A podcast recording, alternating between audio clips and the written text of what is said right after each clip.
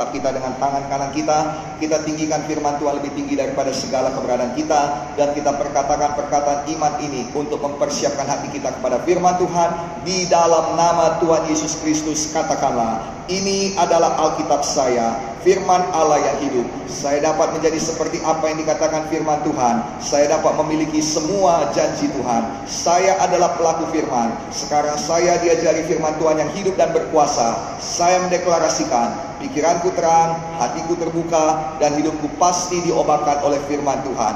Hidupku memuliakan Tuhan. Di dalam nama Tuhan Yesus Kristus, dijadikanlah. Amin. Amin, amin, amin, dan amin. Puji nama Tuhan. Bapak, ibu, saudara-saudari yang dikasih oleh Tuhan Yesus Kristus, seperti biasanya dalam semua ibadah genap kita, kita akan mendengarkan firman Tuhan dalam bilingual, yaitu dalam bahasa Inggris dan dalam bahasa Indonesia juga, karena kita mempunyai visi untuk boleh sampai kepada bangsa-bangsa.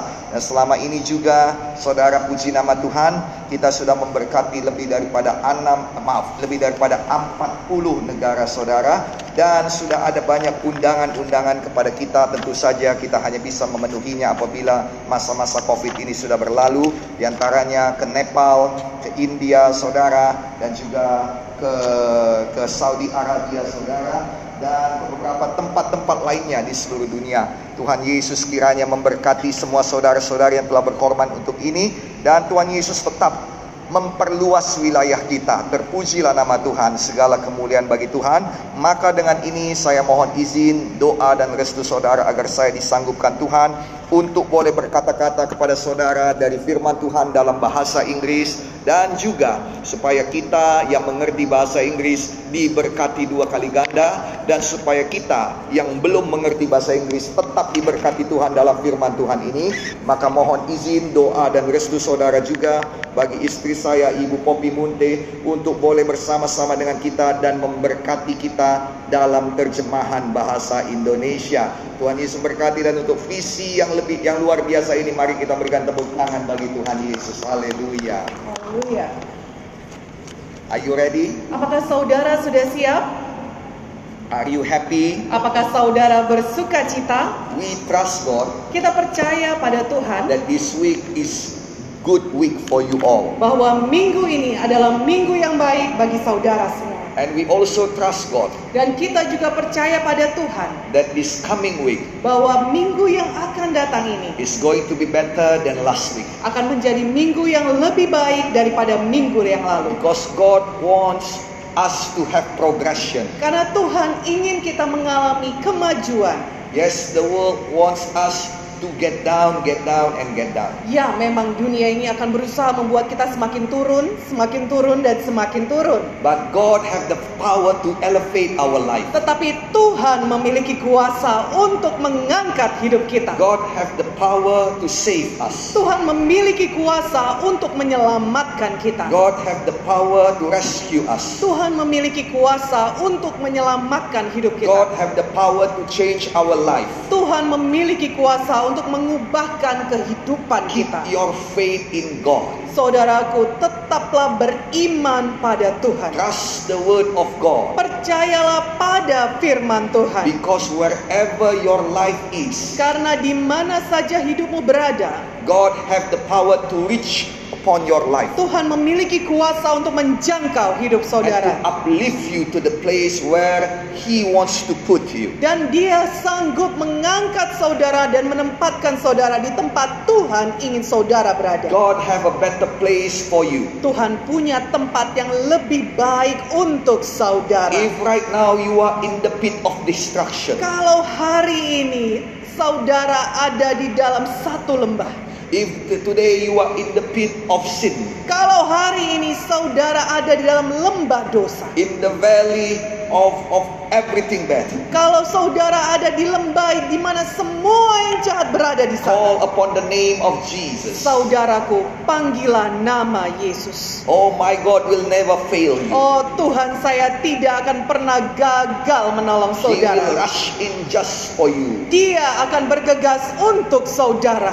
And my Bible said he will come, he will rise up just for you. Dan Alkitab saya mengatakan dia akan bangkit dan dia akan bergegas hanya untuk There saudara. is hope for you. Ada harapan bagi If saudara. today you are in good condition, Kalau hari ini Anda ada dalam keadaan yang baik, it is not the end of your life. ini bukan akhir daripada hidup. God has so much more in store for you. Karena Tuhan punya lebih banyak lagi yang disimpannya untuk saudara. Maybe you are already major or you are already old, Mungkin saudara sudah berusia lanjut atau sudah berumur. but God hasn't finished yet with you. Tapi Tuhan belum selesai dengan saudara. You still can be fruitful. Saudara masih bisa berbuah juga. You still can do something for the kingdom of God. Saudara masih juga bisa melakukan sesuatu untuk kerajaan As sorga. long as we are still in this world, Saudaraku, selama kita masih ada di dunia ini, it means that we haven't lost our battle yet. itu artinya kita belum kalah dalam peperangan kita. As long as we are still breathing, Oh, selama kita masih bernafas. it means that God has something in store for us. Itu artinya Tuhan masih punya sesuatu bagi kita. I declare in the mighty name of Jesus, Saya deklarasikan di dalam nama Tuhan the Yesus best is yet to come in your life. bahwa yang terbaik masih akan datang dalam hidup You saudara. haven't reached the peak of your life. Saudara belum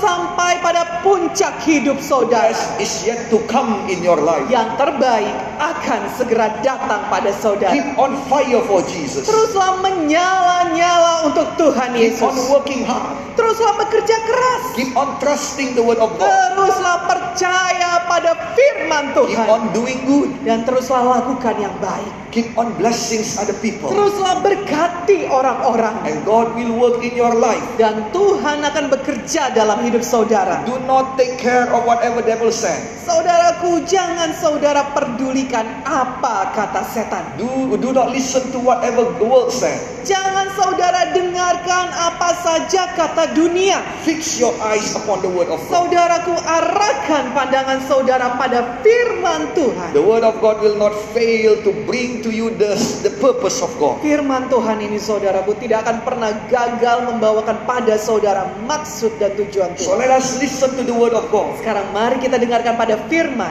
It is still in our series. Ini masih dalam seri firman Tuhan kita From ashes to diamond. dari debu menjadi permata. And today we are going to see the hand of God. Dan hari ini kita akan melihat tangan Tuhan. Today we are going to see the touch of God. Hari ini kita akan melihat sentuhan Tuhan. I pray with all of my heart. Saya berdoa dengan sepenuh hati saya. Even before I preach this message, Bahkan sebelum saya mengkhotbahkan firman Tuhan I ini, really know the heart of God. saya sungguh-sungguh mengetahui hati Tuhan. And even before I finish preaching this message, Dan bahkan sebelum saya selesai mengkhotbahkan firman Tuhan ini, the Lord is already touched you. Tuhan sudah menjamah And saudara. my Bible says, Dan Alkitab saya mengatakan the touch of the hand of God bahwa jamahan tangan Tuhan will always bring wonderful things in your life. akan selalu membawakan perkara-perkara yang indah dalam hidup saudara. Each time the touch of God comes to our life, Setiap kali jamahan Tuhan itu datang dalam hidup kita, there will be miracle of God. akan ada mujizat Tuhan. There will be transformation of life. Akan ada perubahan hidup. Hope will be given. Harapan akan diberikan. Prayer will be answered. Doa-doa akan The dijawab. things that impossible become possible. Hal-hal yang dahulunya mustahil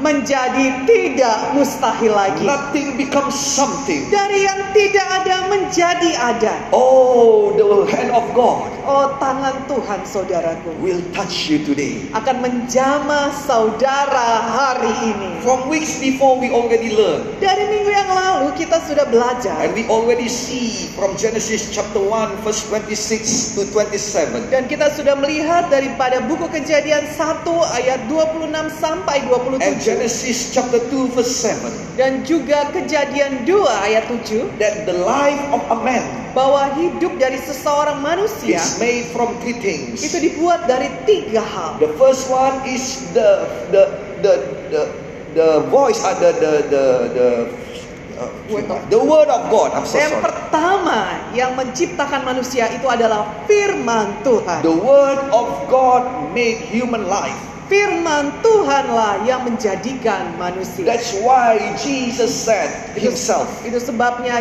Yesus sendiri berkata in Matthew chapter 4 verse 4 and in Luke chapter 4 dalam buku Matius 4 ayat 4 dan juga buku Lukas pasal 4 that man is not live by bread alone bahwa manusia tidak hidup dari roti saja but man shall live by every word of God spoken by Father God. tetapi manusia hidup dari setiap firman yang diucapkan oleh Bapa Sorgawi. So our life is made from the word of God. Jadi hidup kita ini dibuat dan dibangun daripada firman Tuhan. The word of God made the supportive, the support for our life. Bahwa firman Tuhan inilah yang menjadi pendukung hidup kita. We know that before God formed human Kita tahu bahwa sebelum Tuhan menciptakan manusia, on the sixth day of the creation, pada hari ke-6 penciptaan, on, on, the first day until until fifth day, dari fifth hari day, pertama sampai hari kelima, God create the supportive life of for human.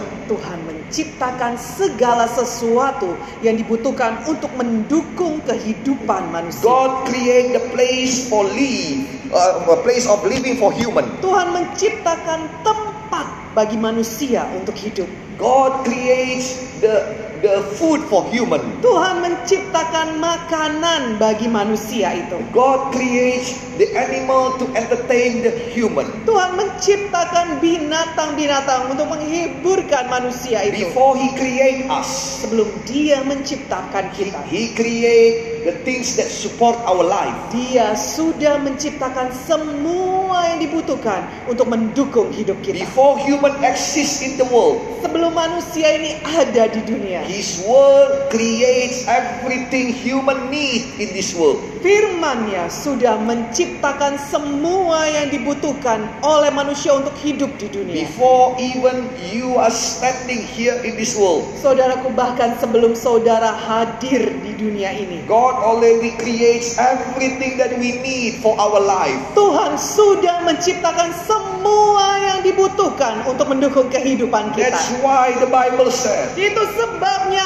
Alkitab mengatakan more than whatever we think of, lebih daripada apa yang kita pikirkan, more than whatever we can pray of, lebih daripada apa yang bisa kita doakan. it is all have been provided by God in Itu heaven. semua sudah disediakan Tuhan di sorga.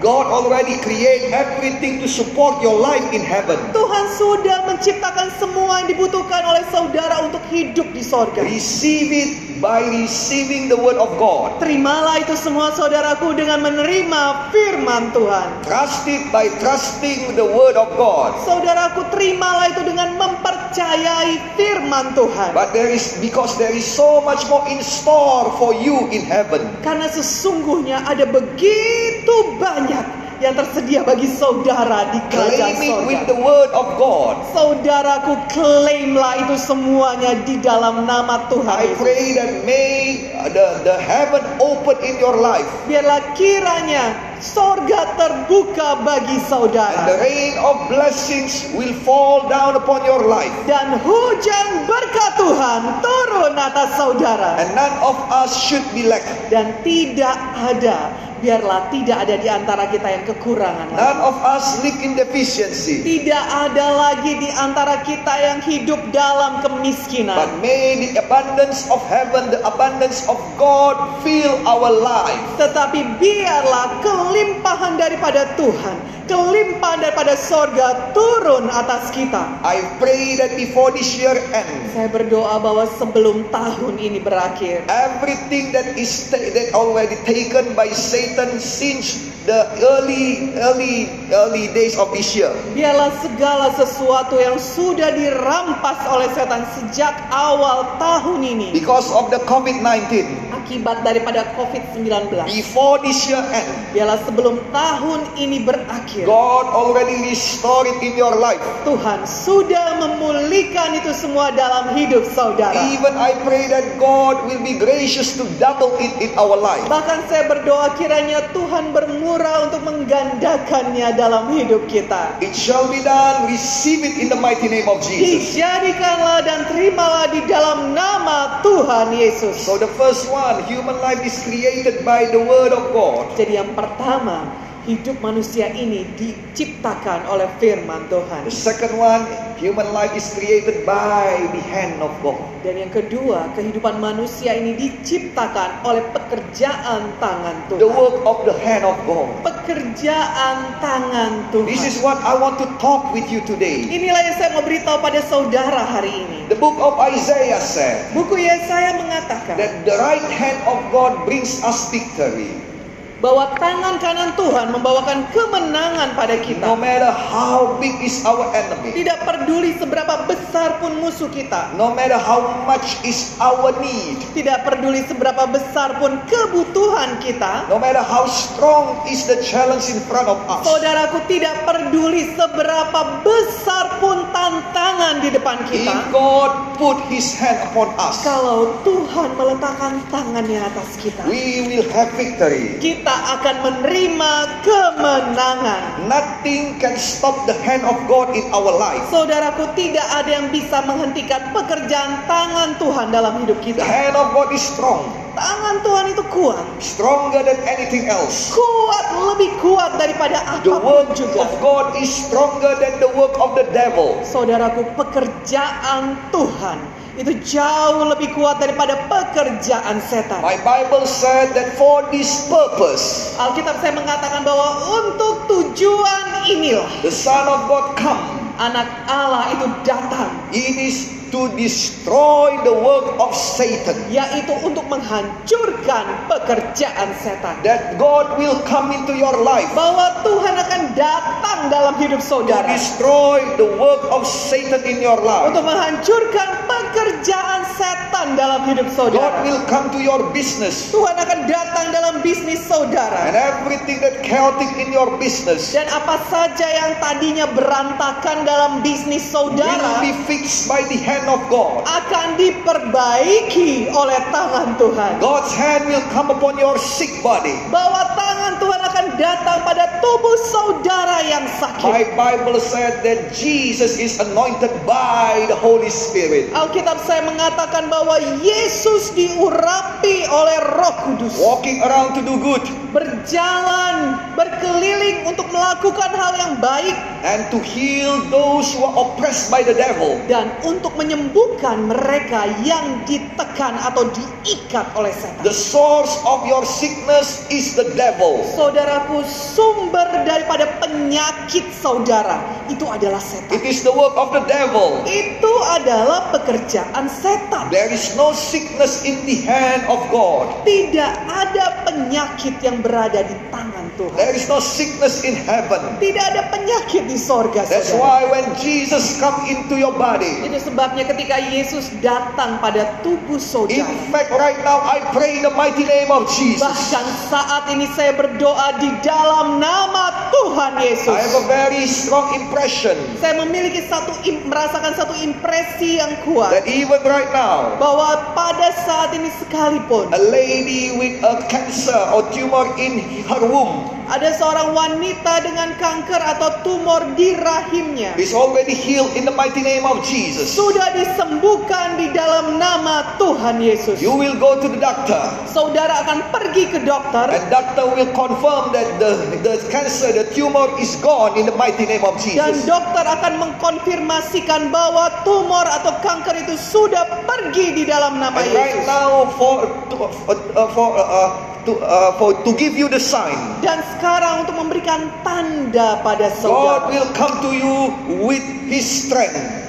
Akan datang pada saudara dengan kekuatannya. The strength of God will come to you immediately. Kekuatan dari Tuhan akan datang pada saudara sekarang ini juga. And you will leap for joy, for the glory to God. Dan saudara akan melompat-lompat bersuka cita untuk membawakan kemuliaan pada Thank Tuhan. you, Jesus. Terima kasih Tuhan. If you are the person, Kalau saudara adalah orang, please DM us tolong saudara bisa kirim DM kepada kami. so we can pray for you so you wa- you want get back to your cancer. Sehingga saudara kami bisa doakan saudara dan tidak kembali lagi pada kanker Be healed in the mighty name of Jesus. Sembuhlah dalam nama Yesus. Have a long life in the mighty name of Jesus. Milikilah umur yang panjang dalam nama Yesus. Have a good days from God in the mighty name of Jesus. Milikilah hari-hari yang baik di dalam nama Tuhan Yesus. Brother and sister, in the mighty name of Jesus. Bapak Ibu Saudara dalam nama Tuhan Yesus. Even right now, Bahkan saat ini God juga can come to touch you. Tuhan bisa datang untuk menjamah The touch of God make you whole. bahwa jamahan Tuhan itu akan membuat saudara hidup sempurna. The touch of God transform your life. Bahwa jamahan Tuhan itu akan mengubahkan kehidupan In saudara. the word of God, Dalam firman Tuhan. in Mark chapter 1 verse 40. Dalam buku Markus 1 ayat 40. Mark chapter 1 verse 40, a man knows that God have the power to heal. Ada seorang laki, ada seorang pria yang mengetahui bahwa Tuhan memiliki kuasa untuk menyembuhkan, But he got rejection in his heart. tetapi dia memiliki penolakan di dalam hati. He knows that he has been cursed. Dia tahu kalau dia sudah dikutuk. He knows that his problem if is is because he is cursed. Dia tahu bahwa masalahnya ini terjadi karena dia hidupnya And dikutuk. because he has been cursed, Dan karena dia sudah dikutuk, he is rejected by his family. dia juga ditolak oleh keluarga. He is rejected by society. Dia juga ditolak oleh masyarakat He is sekitar. rejected by the church at that time. Dia ditolak oleh gereja pada masa itu. He must get out of his own house. Dia harus keluar dari rumahnya sendiri. He is cursed, so he must get out and, get, and, and go away from his own family. Dia dikutuk oleh sebab itu dia harus keluar dari keluarganya He sendiri. must live by his own out of the town Dia harus keluar dan tinggal di luar kota. because he is cursed. Karena dia dikutuk,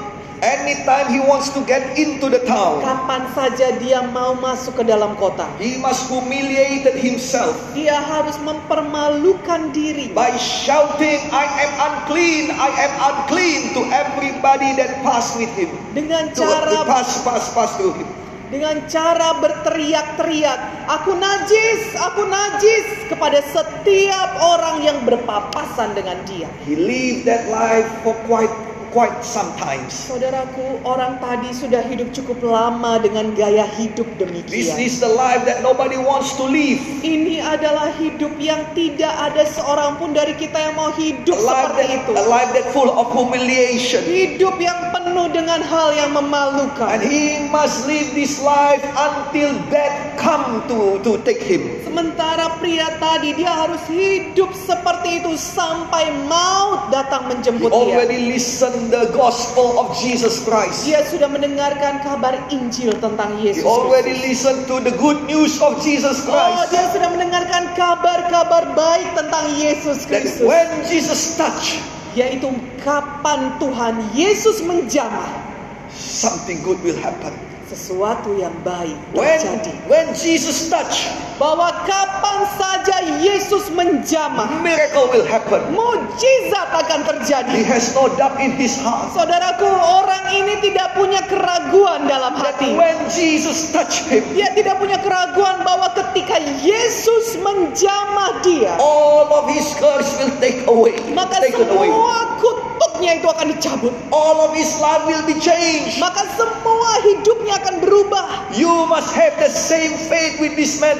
Saudaraku, saudara harus punya iman yang sama dengan orang sakit kusta That when. Jesus touch you, Bahwa ketika Yesus menjamah hidup saudara, whatever curse that put in your life, apa pun kutuk yang sudah dikatakan atas hidup the saudara, curse of sin, kutuk dosa the curse of death, kutuk kematian the curse itu, of sickness, kutuk penyakit kah the itu, curse of failure, kutuk kegagalan kah itu, whatever curse human put on you, apa saja kutuk yang sudah diucapkan manusia atas saudara, that makes your life miserable. yang membuat hidup saudara jadi hancur berantakan. Whatever curse your parents put on you, Apa saja kutuk yang sudah diucapkan keluarga orang tua saudara pada that saudara? what makes your life failure. yang membuat hidup saudara jadi gagal, Whatever curse apa pun kutuk itu will be broken by the hand of God. akan dipatahkan oleh tangan Tuhan. I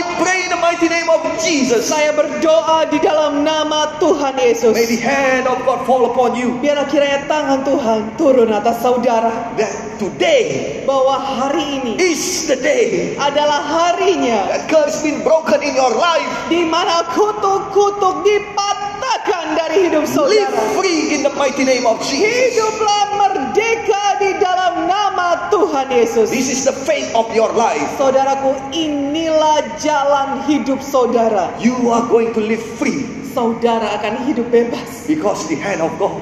karena tangan Tuhan. This man has no doubt about it. Saudaraku, orang dari buku Markus tadi dia tidak ada ragu mengenai But kebenaran things, firman but itu. the things that he asked Tetapi satu hal yang dia minta, is this man is going to reject me also. satu hal yang dia tanya-tanya dalam hati, apakah pribadi ini juga akan menolak aku seperti yang lainnya? Is Jesus from Nazareth will reject me also? Apakah Yesus orang Nazaret ini dia juga akan menolak aku seperti orang lain juga? I've been rejected by society. Saya sudah ditolak oleh lingkungan masyarakat. I've been so rejected by my friends. Oh, saya sudah ditolak oleh teman-teman saya. My good body rejected me. Teman baik saya menolak saya. Oh, I've been rejected by the church. Oh, saya sudah ditolak oleh gereja. Even my family who's supposed to love me in every condition. Bahkan keluarga saya yang seharusnya mencintai saya, mengasihi saya dalam segala kondisi, Is rejected me also. mereka juga menolak saya. Is this man have any reason to love me? Apakah pribadi ini punya alasan untuk mengasihi saya? Is this man have any foundation to touch me? Apakah orang ini punya dasar untuk bisa menjamah saya? Anyway, I will try. Oh, apa pun itu, aku akan coba juga. Because Jesus is the only way for me to have my life change. Karena Yesus satu-satunya jalan bagi saya supaya hidup saya ini bisa berubah. Jesus is the only way for you to have your life change. Saudaraku, Yesuslah satu-satunya jalan bagi saudara untuk memiliki hidup saudara yang berubah. Maybe you are thinking the same thing. Mungkin saudara memikirkan hal yang You sama. think that you already sin big enough. Saudara mungkin berpikir, "Oh, dosaku ini sudah terlalu besar." And all of your life you never take care about God, anything about about church or whatever it is. Dan memang selama hidup saudara, saudara nggak pernah peduli mengenai Tuhan, mengenai gereja. And now the world catching you up Dan sekarang tiba-tiba dunia ini menangkap saudara. and the sin asks payment for you. Dan dosa-dosa itu sudah meminta bayaran. The wage of sin becomes oppressing you. Upah dosa itu sudah demikian menekan Anda. And now you are living in distress. Dan sekarang saudara hidupnya sudah stres. Yes, you know Jesus can touch you. Ya, saudara tahu Yesus bisa menjamah saudara. Yes, you know that many people already receive miracle because Jesus touched. Ya, saudara juga tahu bahwa banyak orang sudah menerima mujizat karena jamahan Tuhan. But now you have question. Tapi sekarang saudara punya pertanyaan di dalam hati. Will God receive me? Apakah Tuhan akan menerima saya? I would like to tell you these things. Saya mau beritahu hal ini pada In saudara. Mark chapter 1 verse 40 to 42. Dalam buku Markus 1 ayat 40 sampai 42. This man shout to Jesus in his prayer. Orang ini berseru kepada Tuhan dalam doanya. I really hope that with faith you shout to Jesus in your prayer. Saya sungguh berharap saudara berseru pada Tuhan dengan iman dalam doa saudara. Jesus my Lord. Dan berkata, Yesus Tuhanku. If you want it, Kalau kau mau Tuhan, your power, your touch kuasamu dan jamahanmu can make me whole. bisa memulihkan I saya. have faith about it. Aku punya iman akan hal ini. The only thing I ask you, Satu-satunya yang kutanya padamu, please love me enough. tolong kasihanilah aku. Please soothing my heart. Tolong tenangkan hatiku. I have received many rejection. Aku sudah terima banyak penolakan Tuhan. I am tired of rejection. Aku sudah capek dengan penolakan. Will you receive me? Maukah engkau menerima aku I'm Tuhan? not asking much. Aku tidak minta banyak. I'm asking you just say a word from afar. Aku cuma minta kau katakan satu patah kata saja dari jauh. Just point at my life with your finger. Tunjukkan saja jarimu kepada hidupku ini. And I will be made whole. Dan aku akan dipulihkan. So this is the plan. Jadi inilah rencana dalam hatinya. He will come to Jesus. Bahwa dia akan datang pada He will Yesus. meet Jesus. Bahwa dia akan menemui And he Yesus. will pray. Dan dia akan berdoa demikian. Please, Lord, Dia akan berdoa, tolong Tuhan. touch me. Jamahlah aku. If not, just point your finger upon my life. Kalau kau tidak mau jamah aku, paling tidak tunjukkanlah jarimu atas hidupku. At least let me home, uh, let me go home, Paling tidak, biarlah aku bisa pulang ke rumah. knowing that somebody is not going to reject me. Dan mengetahui bahwa tidak ada orang yang akan menolak saya lagi. So he entered the town, Jadi orang kusta ini saudaraku dia masuk ke dalam and kota. each time he met people, Dan setiap kali dia bertemu dengan he orang, must humiliate himself. dia harus mempermalukan dirinya. But this time he do it gladly Tapi kali ini dia permalukan dirinya dengan suka. because he have hope Karena dia punya harapan that Jesus from Nazareth won't fail him. Bahwa Yesus orang Nazaret itu tidak akan mengecewakan. Oh, he humiliate himself. Get away from me. I'm a sinner. Oh, dipermalukannya dirinya dengan berkata, "Berlalulah dariku, aku orang berdosa.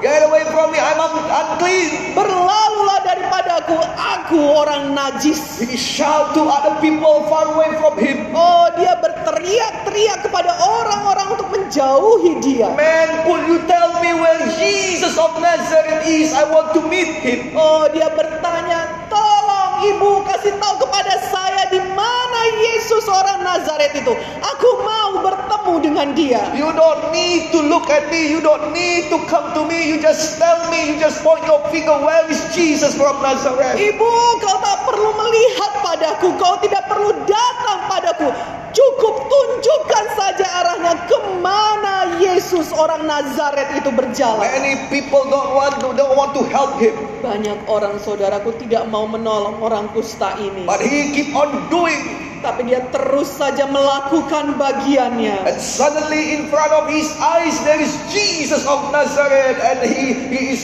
crowded by many people. Dan tiba-tiba di depan matanya dia melihat Yesus orang Nazaret itu dikelilingi oleh banyak orang. He ran with joy and shout very hard. Dia berlari dengan sukacita dan berseru-seru. People, give me way. I'm unclean. I want to meet Jesus who changed my life.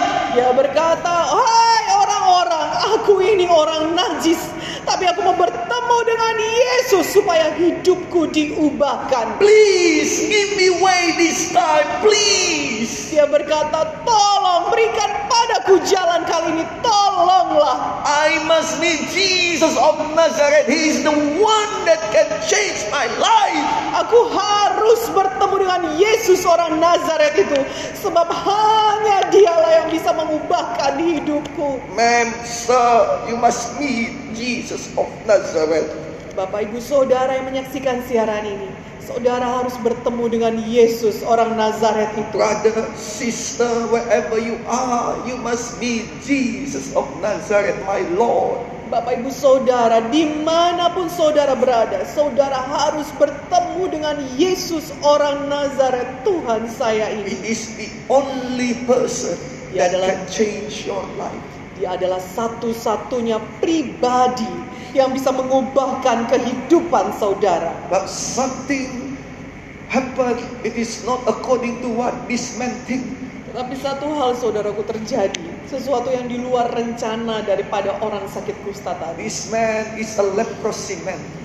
Dia adalah orang yang sakit kusta. And this man shouldn't come near to any people. Dan dia seharusnya tidak boleh mendekat kepada orang lain. If we, if he forced to come near to somebody, Kalau dia memaksakan untuk bisa mendekat kepada orang lain, then that somebody by law can throw stone, stone to him and stone him until death.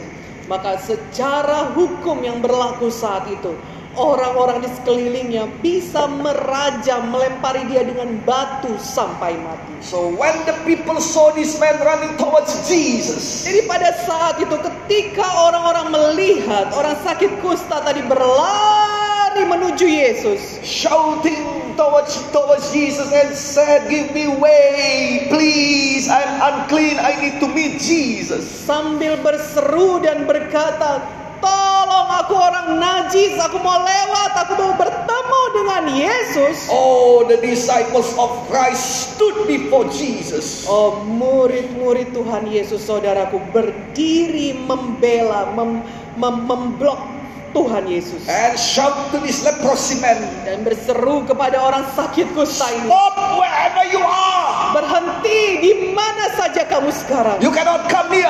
Kamu tidak bisa mendekat, You are cursed. kamu dikutuk, You are not welcome here. kamu tidak diterima di sini. Stop wherever you are. Berhenti di sana, Stop right now. berhenti sekarang juga. Or we are going to stone you until death. Atau kami akan lempari kamu dengan batu sampai mati. This man put his break immediately. Saudaraku orang tadi, orang sakit kusta tadi langsung berhenti saat itu juga. And then he kneeled down and then worship and cry. Dan saat itu juga dia berlutut dan dia menangis dan menyembah Tuhan. He knows that his plan is, is failed. Dia tahu pasti bahwa semua rencana yang dipikirkannya tadi sudah gagal. He knows that his joyful hope is gone. Dia tahu bahwa semua harapan sukacitanya itu sudah berlalu. He knows that all of his hard work is, is in vain. Dia tahu bahwa semua kerja kerasnya itu sudah sia-sia. People will not let him have his life change. Orang-orang tidak akan membiarkan dia memiliki perubahan hidup. People will not let him be happy. Orang-orang tidak membiarkan dia memiliki hidup yang penuh dengan sukacita. People will not let him to be elevated in his life. Orang-orang tidak membiarkan dia mengalami pengangkatan dalam hidup. Do you know that in this world there are still many people like that? Apakah saudara tahu bahwa dalam hidup kita sekarang ini masih banyak orang-orang yang demikian? And you will be surprised when you know that some people like that is in your family, the one that closest to you. Dan saudara akan terkejut melihat bahwa ada orang-orang demikian yang tinggalnya di dalam keluarga saudara, yaitu orang-orang seharusnya dekat dengan saudara. They are the one that don't want you to be happy. Justru mereka yang tidak senang kalau saudara hidup They bahagia. will come with all the rules of the family to oppress you. Mereka akan datang dengan semua peraturan keluarga untuk menekan If you saudara. don't do that, then you will get out of this family. Oh, kalau kamu nggak buat kayak gini, kamu keluarlah dari keluarga If ini. you are not obeying us, then you are rejected by us. Oh, kalau kamu tidak patuh pada kami, kami tolak kamu keluar. Or if you are not doing what I say, then you cannot have this facility. Oh, kalau kamu tidak lakukan apa yang aku katakan, kamu nggak boleh dapat fasilitas If you are not going our way, then you will never become our part. Oh, kalau kamu tidak mengikuti jalanku, maka kamu tidak bisa menjadi bagian kami. There are many people like that. Saudaraku, ada banyak orang yang demikian. They are happy when people sad, they are sad when people happy. Mereka senang ketika saudara sedih dan sedih ketika saudara senang. This man knows that even the disciple of Christ did not let him come to Jesus. Orang ini tahu saudaraku bahkan murid-murid sekalipun mereka tidak mengizinkan orang tadi mendekat pada Yesus And he thinks my old days is back. dan dia berpikir oh hidup lamaku sudah kembali My days won't be changed. hidupku hari-hariku tidak bisa berubah This is my rupanya fate. inilah nasibku I'm rejected by everybody. Aku sudah ditolak oleh semua orang. But in last effort of his faith, Tetapi saudaraku pada bagian terakhir usahanya he tadi. kneeled down and worshiped. Dia berlutut dan menyembah. And in tears he shouted out for the last time. Dan sambil menangis dia berseru untuk terakhir kalinya. Jesus of Nazareth, Dia berkata, Yesus orang Nazaret. if you will, Kalau kau mau, you can make me whole. kau bisa menyembuhkan aku. And suddenly everything becomes silent. Dan tiba-tiba semua menjadi diam. The only thing that we can hear is Satu-satunya yang bisa kita dengar adalah is the crying of desperation of this man. adalah tangisan putus asa daripada orang sakit kusta tadi. He knows that nobody can come near him, Dia tahu bahwa tidak ada orang yang bisa mendekat kepada dia for he had leprosy. Karena dia punya sakit kusta. But the things that never he thought before, Tetapi hal yang tidak pernah dia pikirkan sebelumnya, more than whatever he hoped and he planned before, lebih daripada apa yang dia harapkan dan dia sudah rencanakan sebelumnya, more than whatever he asked, lebih daripada apa yang dia pinta, began to happen courtesy of our Lord Jesus Christ. Mulai terjadi dalam hidupnya karena itu adalah pekerjaan daripada Yesus Something, something that he never felt for years in his life. Sesuatu yang tidak pernah lagi dia rasakan selama bertahun-tahun dalam hidupnya. That somebody touched his hand. Yaitu bahwa ada orang yang menjamah tangannya. Somebody touched him. Ada yang menjamah dia. Nobody dare to touch him. Saudaraku, tidak ada orang yang berani menjamah orang sakit kusta ini. For years, nobody even dare to come near him. Bertahun-tahun bahkan tidak hanya itu, yang mendekat pun tidak ada yang berani. He even could not hope. He even not dare to pray that somebody come to get near to him. Dia bahkan tidak berani berharap, dia bahkan tidak berani berpikir bahwa ada orang yang berani mendekat kepada dia. But this time, somebody touched his hand. Tapi kali ini saudaraku, ada satu orang pribadi yang menjamah kepalanya. And he, he compiled his courage. Dan dia mengumpulkan semua keberaniannya. He looked up to see who did it. Dia melihat siapa yang berani melakukan itu kepada dia. And he saw Jesus of Nazareth.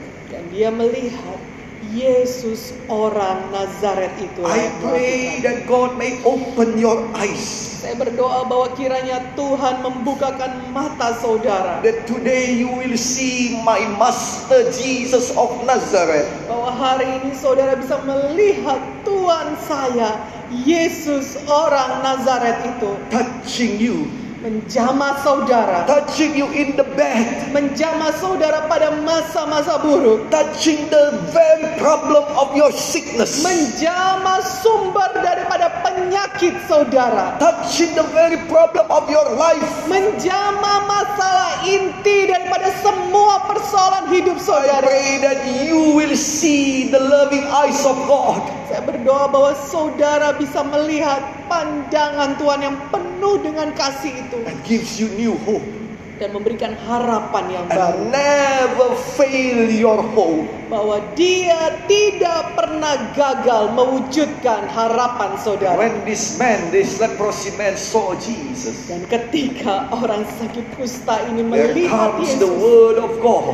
Maka ada firman Tuhan The disampaikan same powerful word of God that creates the universe bahwa itu adalah firman Tuhan yang sama yang menciptakan dunia ini is given directly just for him. disampaikan langsung hanya untuk dia Given directly for the one that cursed. hanya diberikan untuk dia yang dulunya adalah orang yang terkutuk There is word of God for you. Ada firman Tuhan khusus bagi saudara. Word of God for you.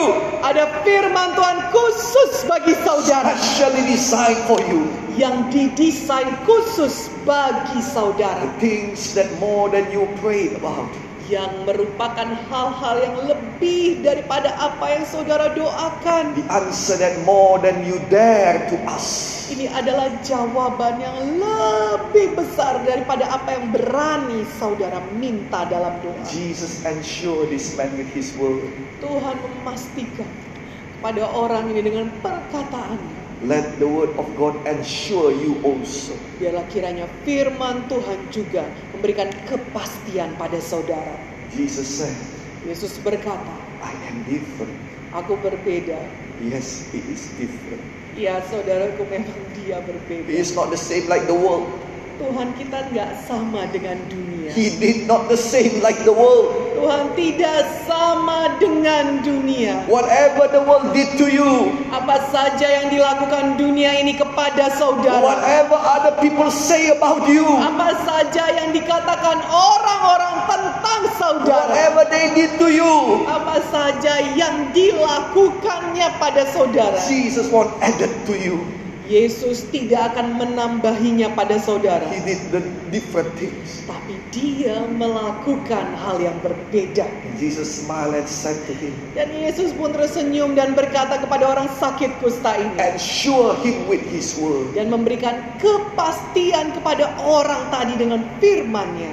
You ask me, Kau minta padaku. this is the answer. Kau bertanya padaku. Ini jawaban. Let the word of God become answer to your life. Saudaraku kira-kiranya firman Tuhan menjadi jawaban pada You saudara. ask God, ah, heal me, Lord, please. Oh saudara minta pada Tuhan Tuhan sembuhkanlah aku tolong Tuhan. Bless me, Lord, please. Saudara berkata berkatilah aku Tuhan tolong Tuhan. Touch me, Lord, please. Jamahlah aku tolong Tuhan. You ask God, Saudara minta pada Tuhan and this is the answer. dan inilah jawabannya. I am fully willing. Katakan Tuhan, aku mau. I am fully willing with all of my heart. Aku mau dengan sepenuh hatiku. I will do whatever the world did not do to you. Aku akan melakukan apa yang dunia tidak lakukan padamu. I will do whatever the world cannot do to you. Aku akan lakukan apa yang dunia ini tidak bisa lakukan The bagimu. world cannot touch you, but I will touch you. Dunia tidak mau menjamah engkau, tapi aku Tuhan akan menjamah engkau. I will do whatever the doctor cannot do to you. Aku akan melakukan apa yang tidak bisa dilakukan dokter padamu. I will do whatever other people cannot do to you. Aku akan lakukan apa yang orang lain tidak bisa lakukan padamu. I will give you whatever your family did not give to you. Aku akan berikan apa yang keluargamu tidak bisa berikan padamu. I will do to you whatever the people that you hope for cannot do to you. Aku akan lakukan bagimu apa pun yang orang-orang yang kau harapkan tidak bisa lakukan padamu. Yes, I am willing. Ya, aku mau. Be made whole. Tahirlah engkau. This man asking that Jesus will make him whole. Orang ini meminta kepada Tuhan supaya Tuhan mentahirkan dia. God give him.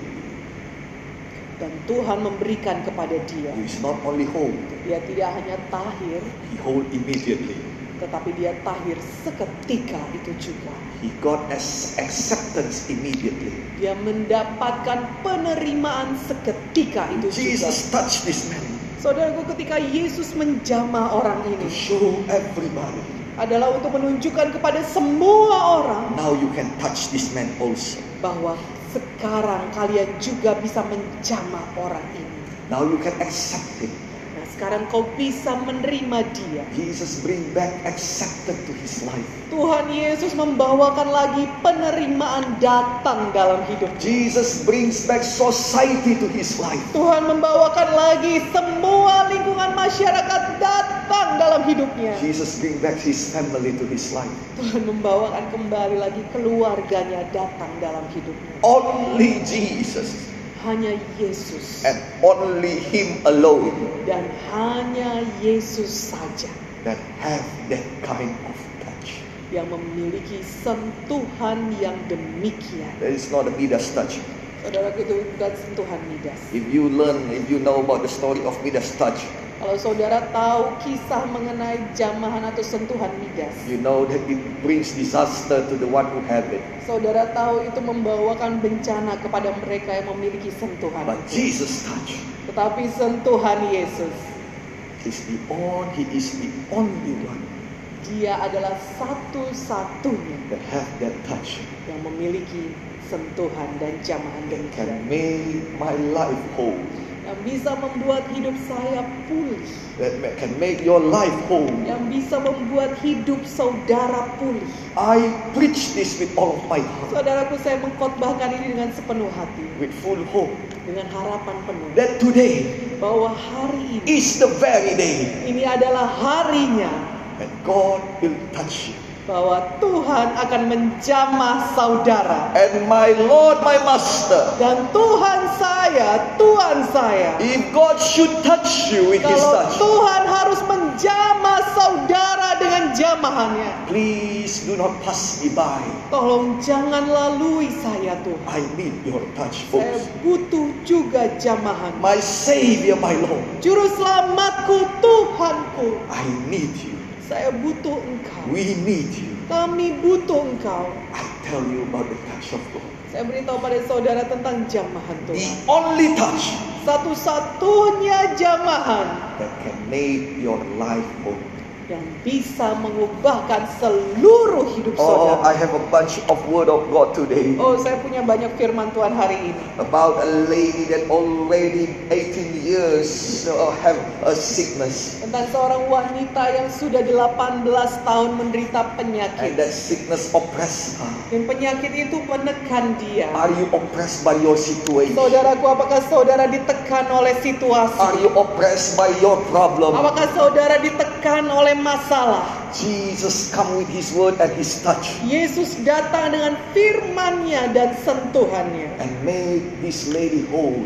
Dan membuat wanita ini pulih. Immediately he is being she is being healed. Seketika itu juga dia disembuhkan. Oh, it is written in the Gospel of Luke chapter 13 verse 11 to 13. Itu dituliskan dalam buku Lukas 13 ayat 11 sampai And in 13. Matthew chapter 9 verse 29 to 30. Dan dalam buku Matius 9 ayat 29 sampai 30. God touched a blind man. Katakan di sana bahwa Tuhan menjama orang buta. Do you know what happened to a blind man? Apakah saudara tahu apa yang terjadi pada He orang buta? lives in the darkness. Dia hidup dalam He kegelapan. don't know the blessings of God. Dia tidak tahu berkat Tuhan. Everything is just the same for him. Karena semuanya kelihatannya sama sama He dia. cannot enjoy the power and the creation of God. Dia tidak bisa menikmati kuasa dan penciptaan Tuhan. We can enjoy the beautiful mountains. Kita bisa menikmati keindahan gunung-gunung. We can enjoy the beautiful lake and sea. Kita bisa menikmati keindahan lautan dan danau. We can enjoy the beautiful of the flowers. Kita bisa melihat keindahan bunga-bunga. But this man is everything dark. Tetapi bagi orang buta ini semuanya gelap. Everything just the same. Semuanya tetap sama saja. Everything is just all darkness. Semuanya itu hanya kegelapan di Is your sekelilingnya. life is just like this. Saudaraku, apakah hidup saudara juga demikian? Whatever I preach from front here. Apa saja yang saya khotbahkan dari depan ini? As for you, it is just all the same. Bagi saudara semuanya itu sama saja. Oh, all is a darkness. Oh, semuanya itu kegelapan saja. Everyday darkness. Setiap hari gelap. Everywhere darkness. Di mana pun kelihatannya gelap. darkness in business, Gelap dalam bisnis, darkness in family, gelap dalam keluarga, darkness in relationship, gelap dalam hubungan, darkness in, in, in the church, gelap dalam gereja, darkness everywhere. gelap di mana-mana. You need the touch of Jesus. Saudaraku, saudara butuh jamahan Tuhan Mark Yesus. chapter 9 verse 29 to 30. Markus 9 ayat 20, Matius 9 ayat 29 sampai 30. It says that not only one blind people over here. Dikatakan tidak hanya ada satu orang buta di sini. No wonder today many blind people Tidak heran sekarang ini saudaraku ada banyak orang buta that never can see the darkness, Yang that never can see the light. yang tidak pernah bisa melihat terang. Always can see the darkness. Selalu saja yang dilihatnya itu gelap saja, gelap saja. but Jesus touched their eyes. Tetapi Yesus menjamah mata mereka. I pray that God touch your eyes Saya berdoa bahwa Tuhan akan menjamah mata saudara and give you the, the, the sight. Dan akan memberikan pada saudara penglihatan. And with that sight, you can see. Dan dengan penglihatan itu saudara bisa melihat And the semua. first thing you see Dan yang pertama yang saudara lihat is Jesus of Nazareth. adalah Yesus orang Nazaret. Wonderful things happen Hal yang ajaib jadi when the touch of God comes to your life. ketika jamahan Tuhan datang dalam hidup saudara It is only Jesus dan hanya Yesus saja that can give you that touch. yang bisa memberikan jamahan demikian pada saudara. Let us pray today. Mari kita berdoa saat ini. Let the touch of God come to your life. Kira-kiranya jamahan Tuhan datang dalam hidup The saudara. touch of God that forgive our sins. Jamahan Tuhan yang mengampuni dosa kita. Please open your heart. Mari saudaraku, bukalah hati saudara. Put your left hand in your heart. Letakkanlah tangan kiri saudara di Lift dada. your right hand to Jesus. Dan angkatlah tangan kanan saudara kepada Tuhan And Yesus. follow this prayer. Dan ikut-ikutlah doa ini. Say it earnestly. Katakan dengan sepenuh hati. In the mighty name of Jesus, say it. Di dalam nama Tuhan Yesus katakanlah. Lord Jesus, Tuhan Yesus, Tuhan Yesus, I trust you. saya percaya padamu. saya percaya padamu. I do need you. Saya butuh engkau. Saya butuh Please come to my life. Masuklah dalam hidup saya. masuk ke dalam hidup saya. Be my Lord and Savior. Jadilah Tuhan dan Juru Selamat saya. Jadilah Tuhan dan Juru Selamat saya. Forgive me my sin. Ampunilah dosa-dosa saya. Ampunilah dosa-dosa saya. Make me the child of God. Jadikanlah saya anak-anak Tuhan. Jadikanlah saya anak-anak Tuhan. Wash me with your blood. Hapuskanlah dosa saya dengan darahmu. Hapuskanlah dosa saya dengan darahmu.